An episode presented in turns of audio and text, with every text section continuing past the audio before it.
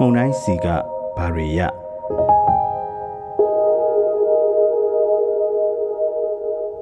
မုံတိုင်းအကြောင်းတွေပြောကြဆိုကြတော့လွန်ခဲ့တဲ့15နှစ်ကာလ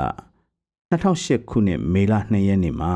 အေယာဝတီမြို့ဝကျွန်းပေါ်ဒေသကိုဥတဲတိုက်ခိုက်ခဲ့တဲ့ဆိုင်ကလုန်းမုန်တိုင်းနာဂစ်ကိုပြန်သတိရမိပါတယ်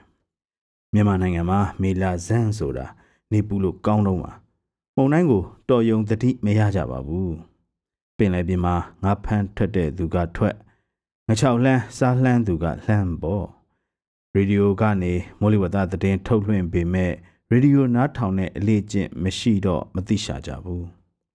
အဓိကကတော့မှုံတိုင်းအတွေ့အကြုံနည်းမှုနဲ့အသိပညာပေးအားနည်းတဲ့အခါမဖြစ်သင့်တာတွေဖြစ်ခဲ့ရတာပါပဲ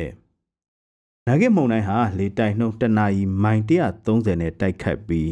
မုံတိုင်းဒီရေပေ40လောက်အထိမြင့်တက်ခဲ့ပါတယ်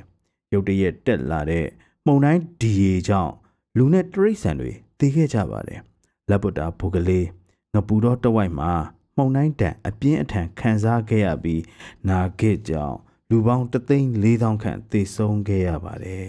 ။မှုန်တိုင်းမဖြစ်မီကြိုတင်ကာကွယ်ရေးလူတွေရွှေ့ပြောင်းရေးဘာမှမလုပ်နိုင်တဲ့စစ်အစိုးရဟာမှုန်တိုင်းပြီးတဲ့နောက်မှာလဲ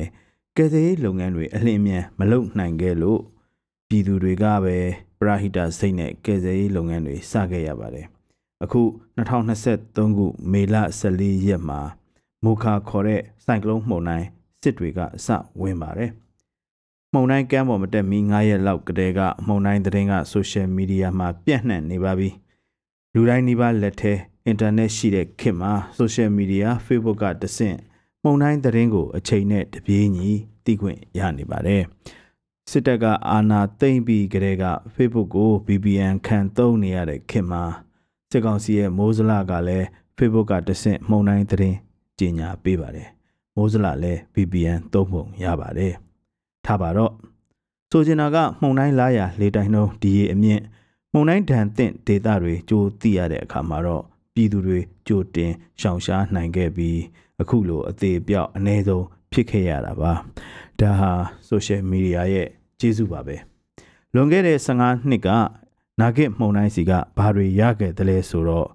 လူသားအချင်းချင်းဒုက္ခရောက်သူကိုကယ်တင်ရမယ်ဆိုတဲ့စာနာစိတ်တွေတိုးပွားလာခဲ့ပါတယ်။အဲ့ဒီစာနာစိတ်တွေနဲ့ပဲပရဟိတအသင်းတွေတနိုင်ငံလုံးမှာဖွံ့ဖြိုးလာခဲ့ပါတယ်။မူခမှုန်တိုင်းစမတိုက်မီနဲ့တိုက်ခတ်နေတော့မှကြည်ပါ။ရခိုင်မျိုးသားကယ်ဆယ်ရေးနဲ့ပရဟိတအဖွဲ့အသီးသီးရဲ့ ကုညီကယ်ဆယ်ရေးလှုပ်ဆောင်မှုတွေကိုတွေ့ရပါလိမ့်မယ်။မုန်တိုင်းပြီးလို့အိုးအိမ်တွေပြည့်စည်တောက်သုံးရခက်ခဲလျှက်စမီမရဖြစ်နေချိန်မှာ